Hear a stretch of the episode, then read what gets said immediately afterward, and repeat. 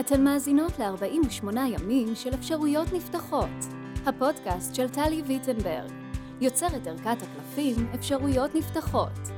נדבר על הקלפים ועל החיבור בין חיי היומיום למסלול ההתפתחות הרוחנית שלנו. מתחילות.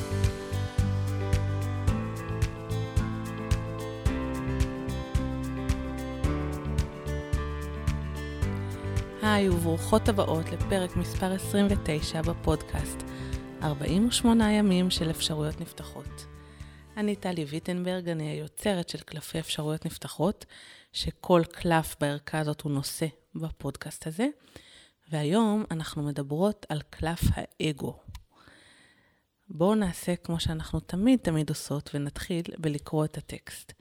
למי שחדשה פה אני אגיד שערכת הקלפים אפשרויות נפתחות, יש בה 48 קלפים, היא מיועדת לחבר אותנו למקום בתוכנו שיודע מה נכון לקול הפנימי שלנו, לאיזושהי אמת אבסולוטית פנימית ללא אג'נדות. לכל קלף יש טקסט בחוברת, ובעצם בפועל, כאשר אתן מוציאות לעצמכן קלף, אתן לא אמורות ככה לבד להבין מה, מה המסר שלו, אלא אתן ממש ניגשות לחוברת וקוראות את המסר, ומתוך זה מסיקות לחייכן שלכן הפרטיים. אז אחרי ההקדמה הזאת אפשר להמשיך. היום אנחנו בקלף אה, מספר 29, אגו, ואני מקריאה את הטקסט. אגו, השומר על כבודך, השומר שידך תצא על העליונה, השומר על דעתך על עצמך, השומר עלייך מלחוות את החיים במלואם. האגו הוא ידיד נפלא ונאמן, כל עוד שאין באפשרותנו לחוש מוגנות בעת שאנחנו חשופות. ייתכן שהגעת לשלב החשוב בהתפתחות שלך, שבו את חשה ויודעת שככל שאת חשופה יותר, כך את בטוחה יותר. שככל שאת שומרת על חיצוניותך, כך את מפקירה את פנימיותך. שככל שאת פועלת לפי חוקייך, כך את לא קשובה לאותותיו של היקום, המדבר אלייך בסימנים ברורים ואוהבים. שככל שאת דואגת מה יחשבו עלייך במצב מסוים, כך את לא חווה את המצב במלואו. קלף זה קורא לך לשאול את עצמך, האם אני עדיין זקוקה לידידי האגו במצב הנוכחי? האם ארשה לעצמי לוותר עליו כרגע? האם ייתכן שהוא שומר עליי טוב מדי? טוב מדי בפני החיים. אני מאוד מאוד אוהבת את הקלף הזה, ואני והאגו שלי מאוד שמחים להיות כאן ולהגיש לכם היום את הפרק הזה. לפני שאנחנו מתחילות, בואו רגע נגדיר ביחד את המילה אגו, כי יש לה כל מיני הגדרות. יש לה את ההגדרה הפרוידיאנית ואת ההגדרה הרווחת ו... ועוד שלל הגדרות.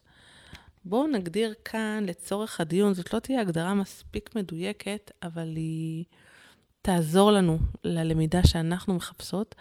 אז בואו כאן נגדיר אגו בתור איזושהי אה, מסכה שומרת או תדמית שומרת. זה לא שקר, אבל זה איזשהו הדבר שאני ככה מסתובבת איתו, אוקיי? אז נגיד לדוגמה, כשאני הולכת למשרד הפנים, לפגישה במשרד הפנים, אני אבוא עם איזושהי... תדמית מסוימת. כשאני הולכת למפגש עם חברות, אני אבוא עם איזושהי תדמית אחרת. כשאני הולכת למפגש בעבודה, אנחנו כל פעם לובשות איזושהי תדמית או איזושהי מסכה. וגם מול עצמי, בתפיסה העצמית שלי, יש איזושהי מסכה או תדמית, איזושהי דרך שבה אני תופסת את עצמי. נכון? אני נניח יודעת על עצמי שאני אה, חברה טובה. זה, זה איזשהו רובד של אגו. למה? כי בעצם כל דבר שאנחנו, כל דרך שבה אנחנו מגדירות את עצמנו, אנחנו מגדירות את עצמנו כדי לחוש בטוחות, כדי להרגיש טוב עם עצמנו. ואנחנו כאן נתייחס לזה כאגו. זה ככה, קודם כל ברמת ההגדרה, שנהיה מסונכרנות. אנחנו בפודקאסט הזה ובאפשרויות נפתחות בכלל, חוקרות את הקשר בין החיים שלנו הארציים, היומיומיים, לבין התפתחות רוחנית. בעצם, כמו שדיברנו הרבה פעמים, המסע הרוחני שלנו כאן בכדור הארץ הוא לעבור כל הזמן מנפרדות לאחדות.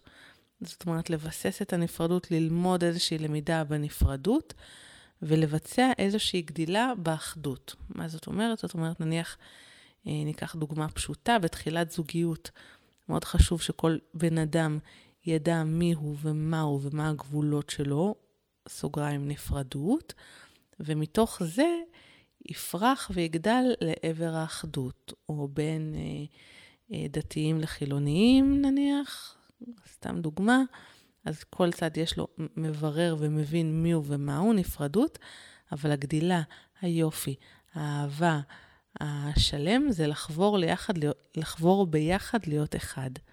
זה ככה תזכורת למי שצריכה תזכורת מה זה המעבר בין אחדות לנפרדות. כשאנחנו רוצות להבין את מה שהקלף של האגו אומר לנו, אנחנו צריכות להבין את הדבר הבא. האגו הוא למעשה הקליפה ששומרת עלינו נפרדות.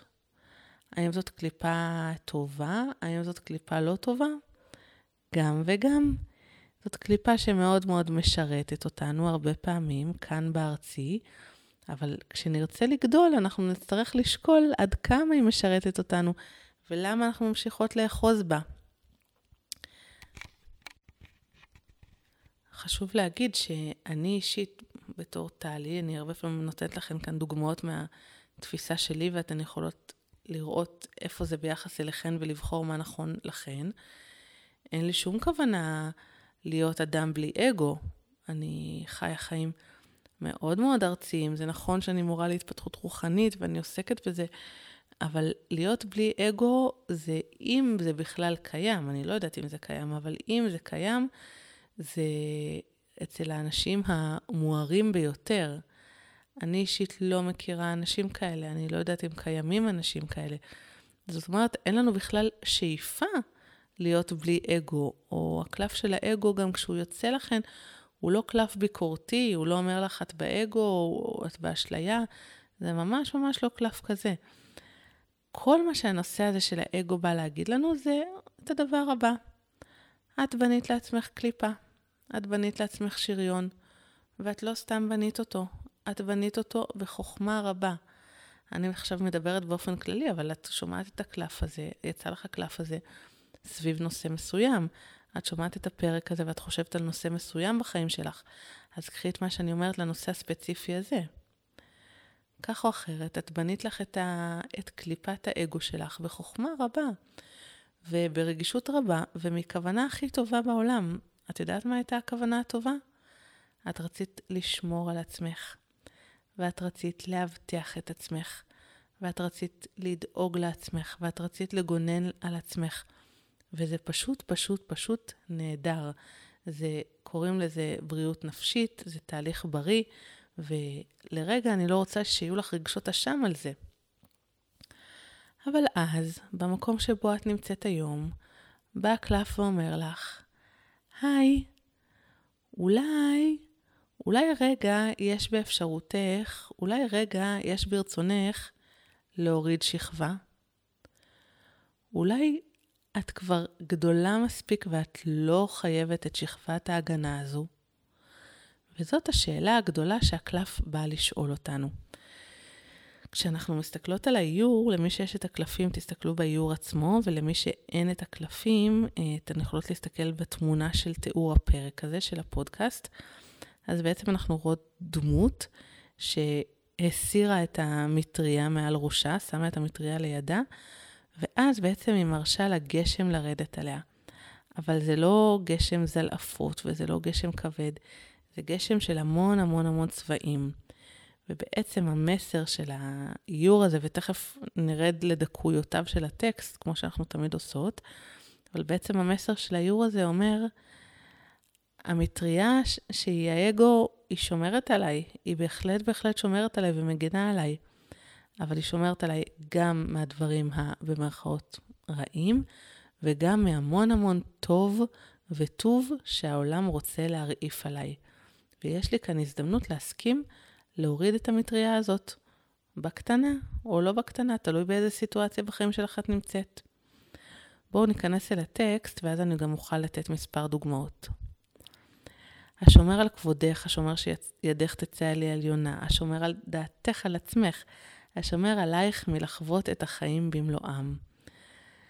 מה זאת אומרת? זאת אומרת שכשאני שומעת שכמה חברות או כמה אימהות מהכיתה או כמה חברים מהבית או כמה בני משפחה נפגשו בלעדיי, וזה כואב לי בלב.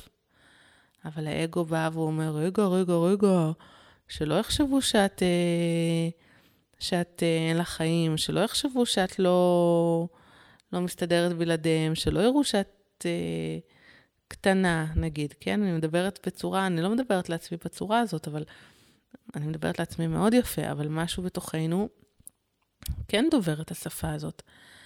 אז בנקודה כזאת האגו בא ואומר לי, תשמרי, שמרי, שמרי על כבודך, שמרי שידך תצא על העליונה, תשמרי על דעתך על עצמך.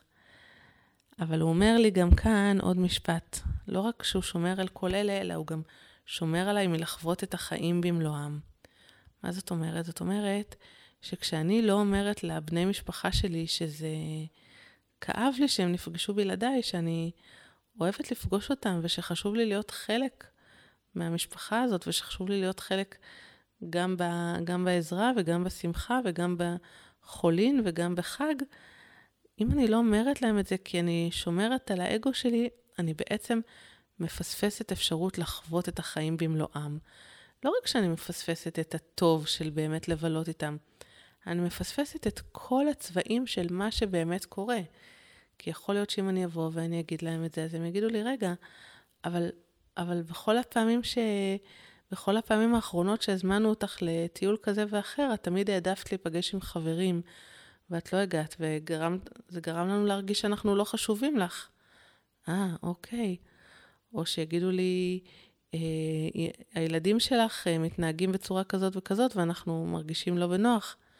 אה, אוקיי, לא ידעתי, בואו נראה מה עושים. זאת אומרת, אני משתמשת בדוגמה הזאת כדי להראות שהאגו מונע מאיתנו לחוות את מה שקורה באמת.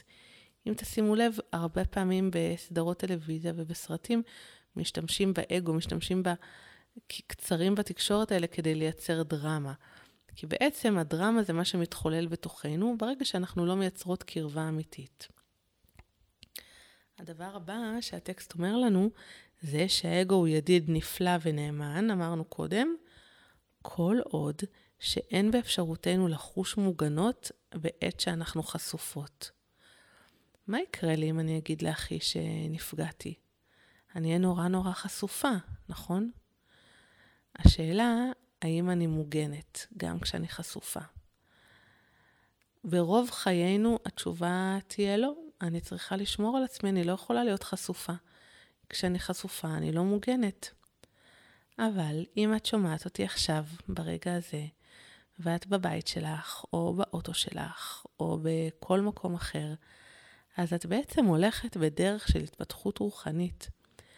ואת כבר מתחילה להבין, או שכבר הבנת ממזמן, תלוי באיזה נתיב את בדרך, או באיזה שלב את בדרך שלך, את כבר מבינה שלהיות חשופה, גם אם את לא מוגנת, משהו שם יותר פועם.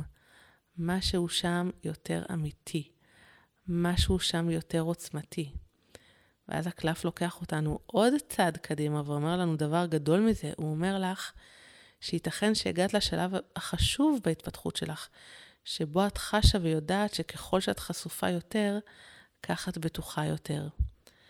ועכשיו נשאלת השאלה, איזה מין משפט מוזר זה? מה זאת אומרת ככל שאני חשופה יותר, כך אני בטוחה יותר? אז אני רוצה להתייחס לזה משני היבטים. אה, או לתת את זה בשתי דוגמאות. דוגמה ראשונה, בואו נתייחס לבגדים. אוקיי, עכשיו אני הולכת לדבר על בגדים ועל עירום, אבל אני מתייחס לזה כפשוטו כדי להבין את המשמעות, לא באיזה שהן קונוטציות אחרות. אז בעצם, ככל שאני, למה ככל שאני חשופה ככה אני בטוחה יותר? כי כשאני לובשת בגדים, יכולים לקחת לי אותם, נכון?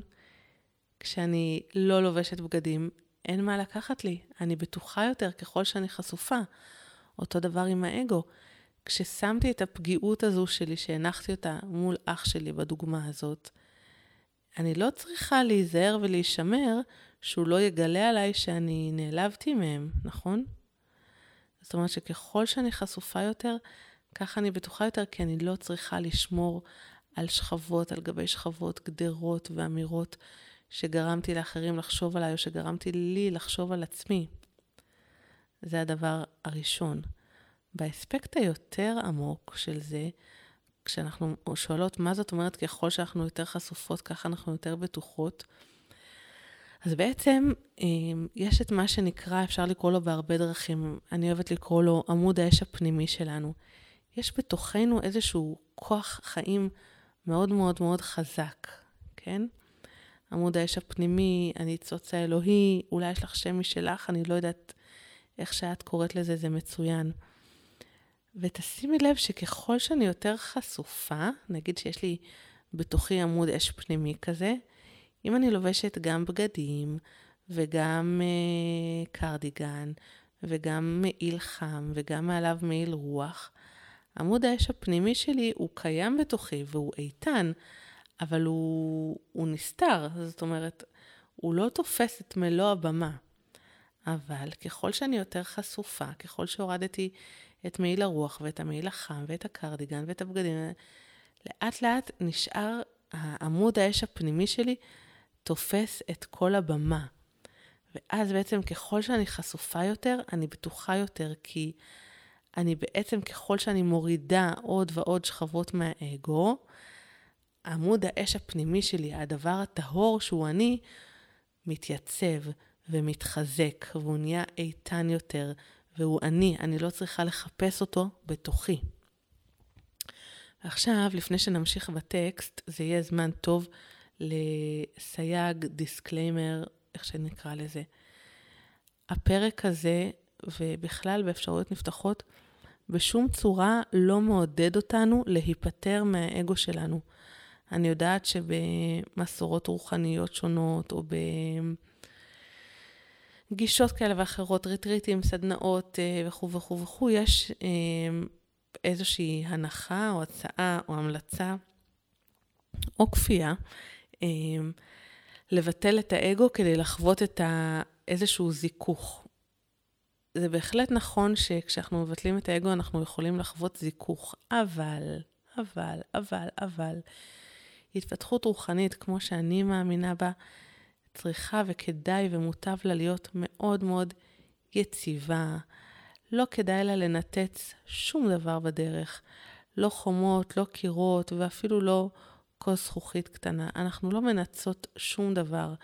כל שכבה של האגו הגיעה לשם, כפי שדיברנו בתחילת הפרק, מסיבה מסוימת, ואנחנו בנינו אותה למעננו, ואנחנו בנינו אותה כדי להגן על עצמנו, ואנחנו אוהבות אותה. אנחנו אוהבות אותה כי היא שמרה עלינו.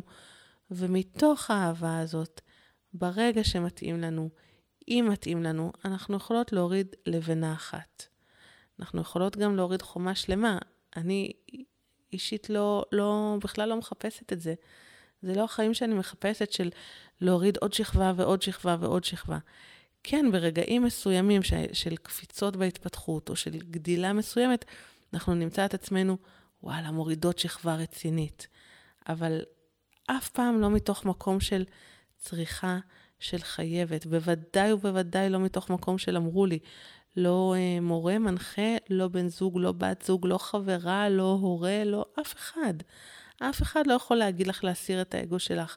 זאת החלטה מאוד מאוד מאוד פרטית ומושכלת או משכל הלב או משכל המוח או משכל הבטן, אני לא יודעת, משכל הרוח, אבל זאת החלטה רק, רק, רק, רק, רק שלך.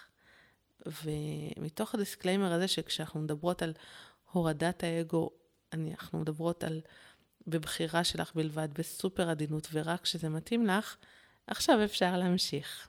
אמ, אני רוצה לנצל שנייה, אני רגע חורגת מהנושא של הקלף, ובכלל להגיד, בהתפתחות רוחנית ובעוד תחומים, לא משנה כרגע, יש הרבה פעמים נטייה של אנשים שיודעים מה נכון לנו, והרצון שלנו אה, להתאים את עצמנו לכללי המשחק, כדי, כדי להרגיש שאנחנו באמת אה, פועלים נכון, או שאנחנו באמת אה, מתקבלים למיליה מסוים. ואני רוצה להגיד לך שאף אחד לא יודע מה יותר טוב בשבילך, ויתרה מזאת, לאף אחד אין זכות להגיד לך מה יותר טוב בשבילך. כל בן אדם, כל מורה, כל בן זוג, כל מישהו שאת פוגשת, יכול להציע לך בענווה את מה שהוא חושב, את הדעה שלו, את מה שעובד לו. מהרגע שזה הופך מהצעה למשהו שהוא יותר דומה לעובדה, יותר דומה לביקורת, יותר דומה לכפייה, זה מבחינתי הזמן לסגור אוזניים ולעשות אחורה פנה.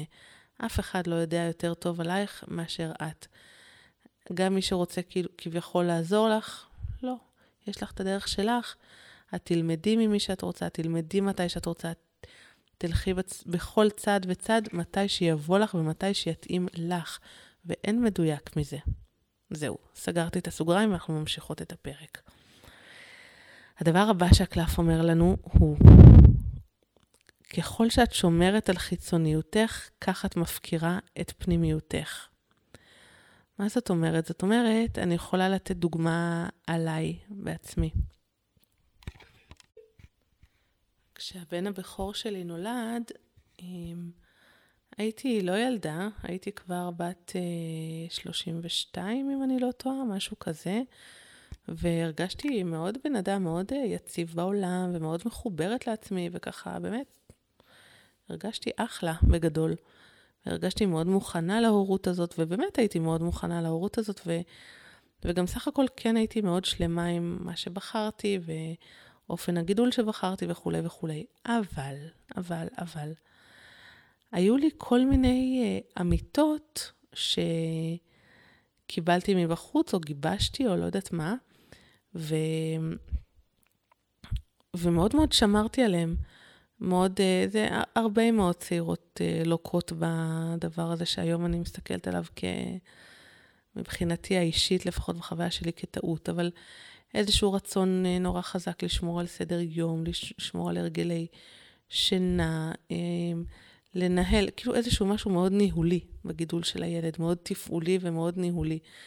בעוד שהיום אני מסתכלת על זה ואני אומרת, אחרת לגמרי, אני אומרת, תינוק נולד הוא עדיין, זה לא, לא אני אומרת, כן, אבל אני מצטרפת לזה שתינוק נולד שלושה חודשים ראשונים, הוא עדיין בעצם במצב מאוד מאוד רחמי, והתפקיד שלנו, או ההצעה, או הבקשה, או ההזדמנות שלנו בתור אימהות, זה לא למשטר אותו בכוח לחוקים של העולם החיצוני, כפי שאני בצר לי מאוד הרבה פעמים עשיתי, אלא ההפך, לצלול עמוק עמוק עמוק לתוך עולם הרחם והינקות הזאת ולהתמסר איתו לזמן לא זמן הזה.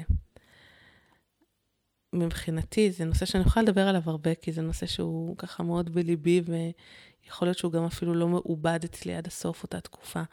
אבל כשאני קוראת את המשפט הזה, זה מזכיר לי את זה. ככל שאת שומרת על חיצוניותך, כך את מפקירה את פנימיותך. זאת אומרת, כל כך שמרתי על איזושהי תדמית חיצונית, ו... והלב שלי דיבר, והגוף שלי דיבר, והם רצו משהו אחר, הם רצו את הרחמיות הזאת איתו, ו... ולא התמסרתי לשם, מעוד הרבה סיבות פחדתי אה, להפסיד דברים בעבודה, ועוד כל מיני דברים, לא משנה. אבל תחשבו על זה בכל תחום שהוא. תחשבו על כל מקום שבו אני, למען התדמית שלי, או למען המעמד שלי, עושה בחירות שהן מפקירות את הפנימיות שלי. הרבה פעמים זה מה שהאגו עושה. לדוגמה, יש לי עוד דוגמה שאני חושבת שיכולה להתאים לזה, זה שבאחת המערכות הזוגיות שלי היה לי סוג של אה, קונפליקט עם בן הזוג, ונגיד היה משהו כמו כזה שם, אמרתי לו, אם כך וכך, אז נפרדים, משהו כזה נגיד. ו...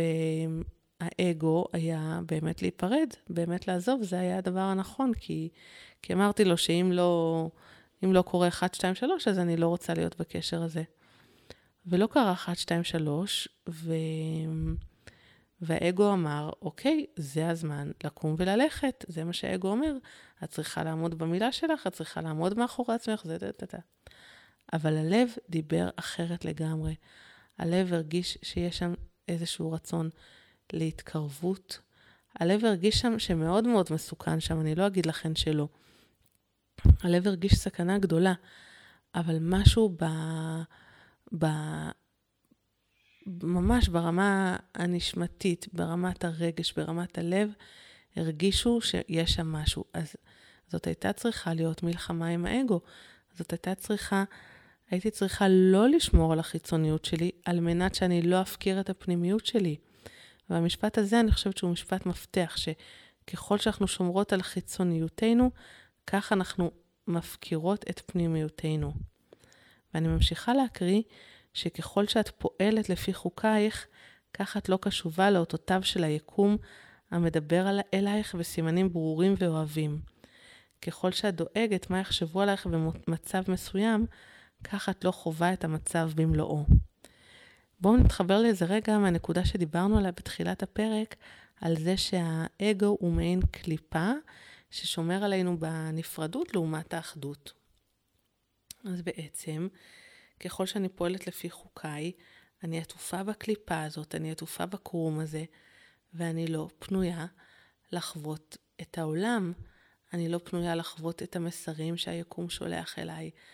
אני לא פנויה להיות קשובה למה שהאנשים שסביבי, האנשים המיטיבים, אומרים לי, או מציעים לי, או מבקשים ממני. אני לא באמת באמת שמה לב מה קורה, כי אני ממש ממש עטופה בקליפה.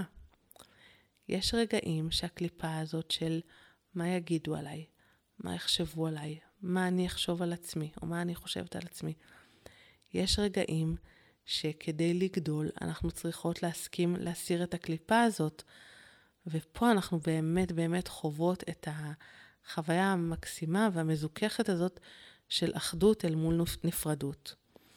אני רוצה להגיד, אמרנו גם קודם, אבל אני רוצה לתת לזה עוד ביטוי, אה, נגיד, ננסה להסתכל על זה בקטע של אחוזים.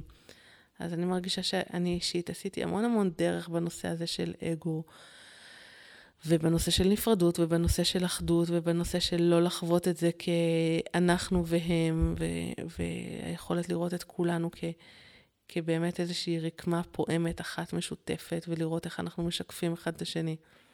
אבל כשאני מתעצבנת ממשהו, או כשמשהו מפעיל אותי, או כשמשהו מטריד אותי, תלק אגו, תלק נפרדות, ברור. אם אני בתהליך של התפתחות רוחנית, ויש לי גם קצת מזל, אז אני גם אהיה במקום של לשים לב לזה, של לפתח מודעות, של להגיד, רגע, אולי, אני, אולי בא לי להוריד את השריון הזה ששמתי לפני רגע, אולי בא לי כן לראות בעין טובה, אולי בא לי כן להתנצל על מילה שאמרתי שסתם פגעה וזה מיותר.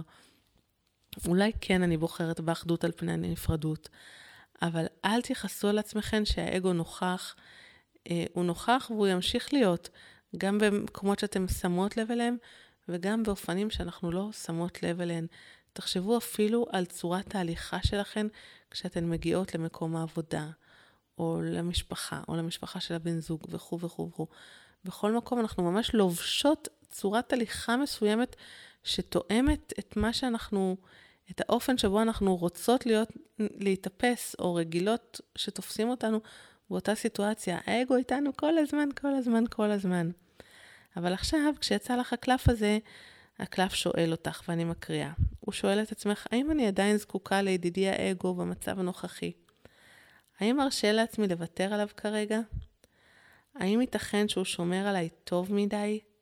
טוב מדי בפני החיים? כך שבסופו של יום הקלף אומר לך את הדבר הבא. בסיטואציה שבה את נמצאת עכשיו, לשמור על האגו, לשמור על הנפרדות, לשמור על, האגו, על, על ההגנות, נשמע כמו הדבר הכי טבעי לעשות, לשמור על הקיים, לשמור על איך שאת מכירה את עצמך, נשמע ומרגיש כמו הדבר הכי אה, נכון וחכם והגיוני לעשות. אבל בואי שימי שם סימן שאלה, ותשאלי את עצמך את השאלה שהקלף שואל אותך. האם ייתכן שהאגו כרגע שומר עלייך טוב מדי? האם הוא שומר עלייך טוב מדי בפני החיים? זה לגבי קלף האגו. אם את רוצה להוציא קלף המשך, להוציא קלף נוסף, את יכולה לבוא ולשאול מה יעזור לי לראות את זה בדרך אחרת, או מה יעזור לי לשחרר מעט מהאגו, או מה יתמוך בי בתהליך הזה של להפחית את הזדקקות שלי לאגו בסיטואציה הזאת, או משהו בסגנון. אז זה היה קלף 29, וכאן מגיע לסיומו הפרק מספר 29 בפודקאסט 48 ימים של אפשרויות נפתחות. אני חושבת שהפרק הזה הוא מאוד מאוד חשוב בהקשר ובהיבט של להוריד את היומרות שיש לנו ואת הציפיות שיש לנו מעצמנו בהתפתחות הרוחנית.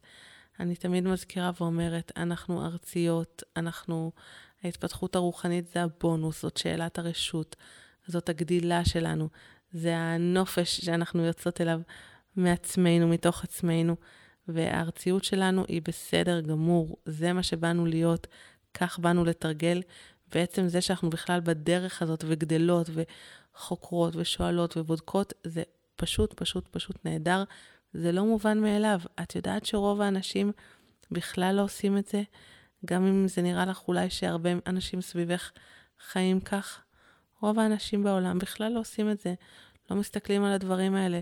מסתכלים רק על, אה, לא יודעת מה, מה יש בטלוויזיה היום ומה הם קנו אתמול ומה הם קנו מחר. אז, אה, אז חבקי את עצמך וחזקי את עצמך והתלהבי מעצמך, כי זה ממש ממש מוצדק. אם אהבת את הפרק הזה, ואם הוא עניין אותך, אולי תכתבי לי על זה, וככה אני אדע, ואני ממש ממש אשמח, אני והאגו שלי נרקוד לנו יחד בריקוד התלהבות. ואם את חושבת שיש מישהי אחרת שיכולה להתערם ממנו, את מוזמנת כמובן להעביר אותו הלאה. תודה רבה רבה על ההקשבה, ונתראה בפרק הבא.